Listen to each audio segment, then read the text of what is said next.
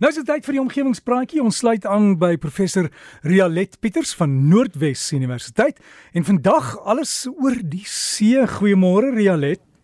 Môre Derek en luisteraars. Ja, na 'n dekade lange onderhandeling en 'n laaste 2 week lange maraton van dag en nag gesprekvoering, het die lande van die wêreld uiteindelik saamgestem oor die bewoording van 'n nuwe konvensie, een waarin die see buite nasionale jurisdiksie beskerm kan word. Met ander woorde die oop see.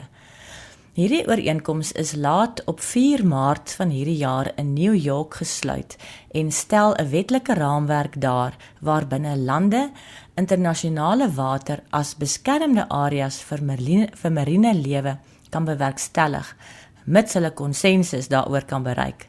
Oop see verwys na die see wat in internasionale gebiede lê en dis nie onder beheer van enige land is nie. Ongeveer 2/3 van die wêreld se oseane val in hierdie kategorie en dit behels omtrent die helfte van die aarde se oppervlak. Daar bestaan min wetlike beskerming om aktiwiteit op die oop see te reguleer, veral waar omgewingsake ter sprake is. Sekere gedeeltes in die oop see het hoë marine biodiversiteit en unieke habitats soos diepsee koraaltuine en onderwaterberge. Hierdie ekostelsels word bedreig en spesies soos haie, rogge en walvisse is aan die uitsterf as gevolg van oorbevissing en klimaatsverandering. Amptelik staan die konvensie bekend as die Biodiversity Beyond National Jurisdiction Convention of dan nou seker die konvensie vir biodiversiteit buite nasionale jurisdiksie. Daar word al sedert 2004 oor hierdie konvensie onderhandelinge gevoer en in die afgelope jaar is daar al by 3 geleenthede gepoog om die ooreenkoms saamgestel te kry.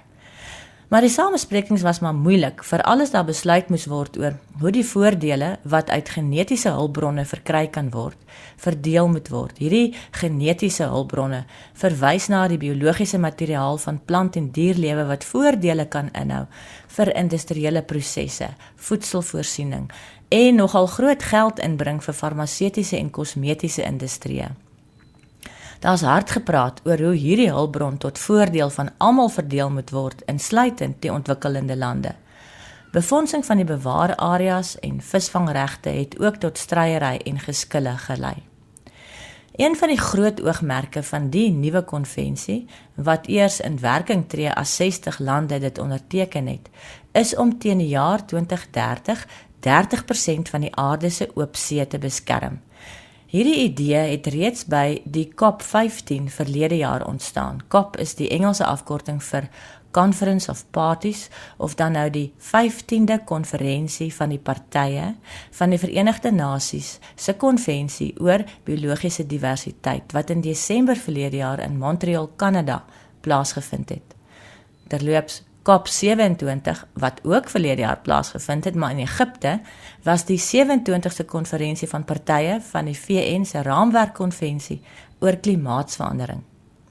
Tydens COP15 in Montreal is die Kunming Montreal wêreldwye biodiversiteitsraamwerk aanvaar en het die lande ooreengekom om minstens 30% van die wêreld se terrestriële gebiede, binnelandse water kusareas en oseane teen 2030 beskerm te hê. Tans is maar 17% van die landareas beskerm en 'n skamele 10% van die marine areas, waarvan net 1.2% deel uitmaak van die oop see. Die oop see beslaan sowat 47% van die aarde se oppervlak en is eintlik 'n baie belangrike gedeelte van die aarde waarvan die biodiversiteit nooit amptelik beskerm is nie. Ongeveer net 10% van alle marine lewe is aan die wetenskap bekend en die geskatte 90% is onbekend en onbeskryf. En die oop see is die gemeenskaplike erflating van die mensdom, menende dat net soos wat die maan aan al die nasies van die aarde behoort, so behoort die oop see ook. Die Europese Unie het reeds sowat 816.5 miljoen euro bewillig vir verskeie projekte om die oseane te beskerm. Een van die vernaamste elemente van hierdie nuwe oopsee konvensie is dat dit voorsiening maak vir die skep van internasionaal beskermde gebiede in marine areas. Dit sal aktiwiteite soos industriële vissery en diepsee mynaktiwiteite van minerale dieper as 200 meter onder die oppervlak beperk. Die bekommernis is dat mynaktiwiteite broeiareas vernietig, lei tot geraasbesoedeling en tot besoedeling met toksiese stowwe. Die Oopsee Konvensie sluit ook 'n plan in om omgewingsimpakassessering heeltemal te hersien.